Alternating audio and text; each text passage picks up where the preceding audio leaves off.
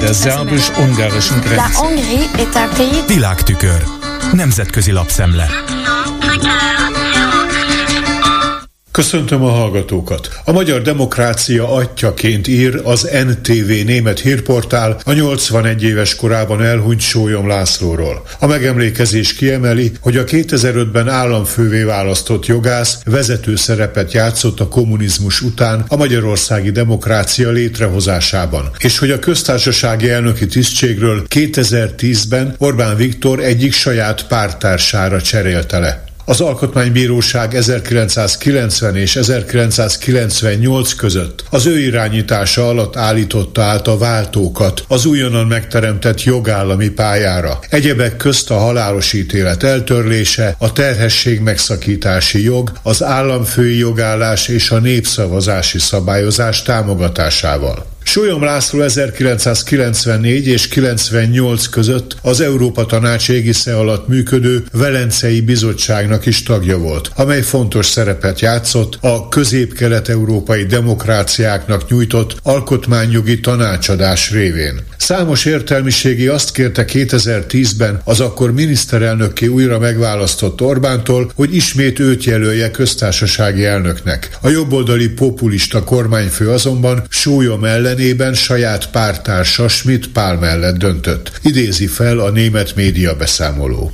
Most pedig nézzük a vasárnapi lengyel parlamenti választások felvezetéseként a Frankfurter Allgemeine Zeitungban megjelent terjedelmes cikket Mateusz Morawiecki miniszterelnökről, akinek a lap szerint esélye van arra, hogy megörökölje Jaroszláv Kaczynszkitól a nemzeti konzervatív irányzatú jog és igazságosság elnevezésű kormánypárt elnöki tisztségét. Miközben a mai kormányzat ellenfelei új Lengyelországot követeltek, a miniszterelnök Katowicében ennél is drámai szavakat használt. Azt állította, a választók nem pusztán arról fognak dönteni, hogy milyen legyen és kié legyen Lengyelország, hanem egyenesen arról a legfontosabb kérdésről, hogy egyáltalán létezzene továbbra is szuverén országként, vagy pedig egy land legyen a jövőben. Így ezt a német szót használta, amely a szövetségi berendezkedésű Németországban a tartományok elnevezése. Ezzel azt állította, miként egyébként már korábban is, hogy a fokozatos EU integráció Lengyelországot egy Berlinből és Brüsszelből kormányzott szövetségi tartomány szintjére fokozza le. Morawiecki szerint Jaroszláv Kaczynski lengyel víziója és Donald Tusk ellenzéki vezető német víziója között kell választani. A kormányfő Angela Merkel volt német kancellár politikai házastársának nevezte Tuskot.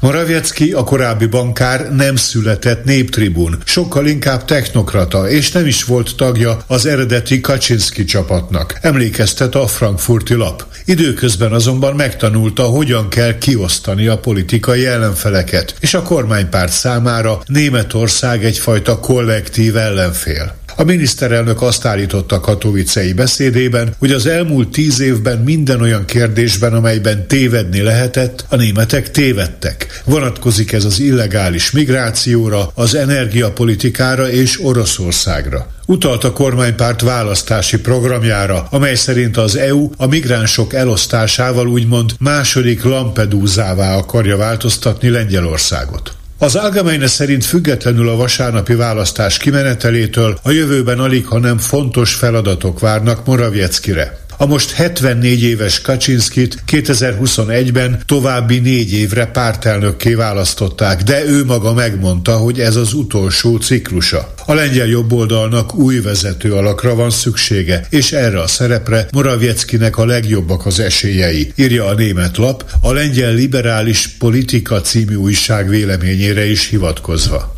Ennek a Frankfurter Allgemeine cikknek az internetes megjelenése után tegnap este tartották a lista vezetők tévévitáját Varsóban. A kormány oldalt egyébként az eredeti tervek szerint Kaczynski képviselte volna, de ő visszalépett, ami kiváltotta Tusk gúnyos reagálását. Megnéztem, hogy a vitáról első gyors reakcióként mit ír az egyik leggyakrabban idézett, konzervatív és liberális értékeket egyaránt megjelenítő lengyel lap, a Zsecsposzpolita. Nos, az értékelés szerint mind Moraviecki, mind Tusk várakozáson alul szerepelt, és a legjobb retorikai teljesítményt a szélsőjobboldali konfederációs Krzysztof Boszák, valamint Simon Holovnya a centristaként besorolt Lengyelország 2050 vezéralakja nyújtotta. A Zsesposzpolita szerint ez nem is vita volt, hanem Forma egyes verseny némi jéghoki meccses beütéssel. És most már világos, miért nem mert kiállni Kaczynski. A pergő egyperces válaszok megadása igen gyors reflexeket követelt.